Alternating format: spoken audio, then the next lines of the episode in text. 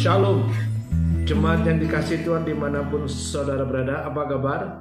Salam sehat Tetap semangat dan selalu bersyukur Karena Tuhan Yesus mengasihi kita.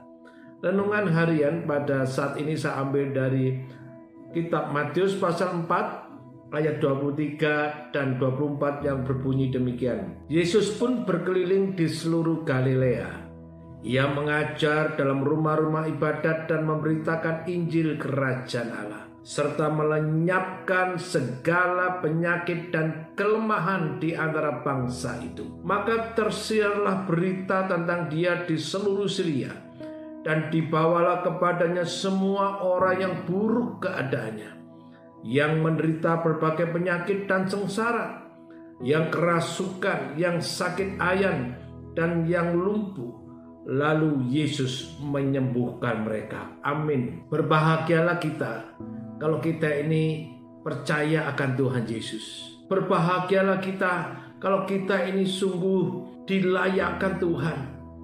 Tuhan telah memilih kita untuk menjadi umatnya. Bersyukurlah bahwa Tuhan kita Tuhan Allah yang Maha Kuasa. Kasihnya kuasanya tidak pernah berubah dulu sekarang dan sampai selama-lamanya.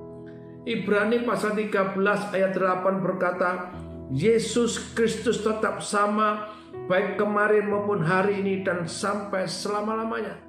Kasihnya tidak pernah berubah.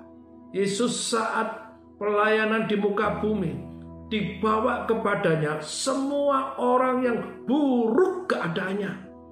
Yang menderita berbagai penyakit dan yang sengsara dibawa kepada Yesus dan Tuhan pulihkan dan ini masih berlaku sampai detik ini bagi orang yang mau sungguh-sungguh datang kepada Tuhan dan kerendahan hati. Berbagai keadaan yang buruk Tuhan sanggup pulihkan. Tuhan menjadikan segala-galanya baik. Percayalah, kasihnya, kuasanya tidak pernah berubah. Apa pun keadaan saudara, seburuk apa pun, datanglah kepada Yesus. Percayai Tuhan Yesus andalkan Tuhan Yesus, maka engkau akan mengalami perbuatan ajaib Tuhan dinyatakan dalam hidup saudara. Tubuh yang sakit Tuhan pulihkan menjadi sehat.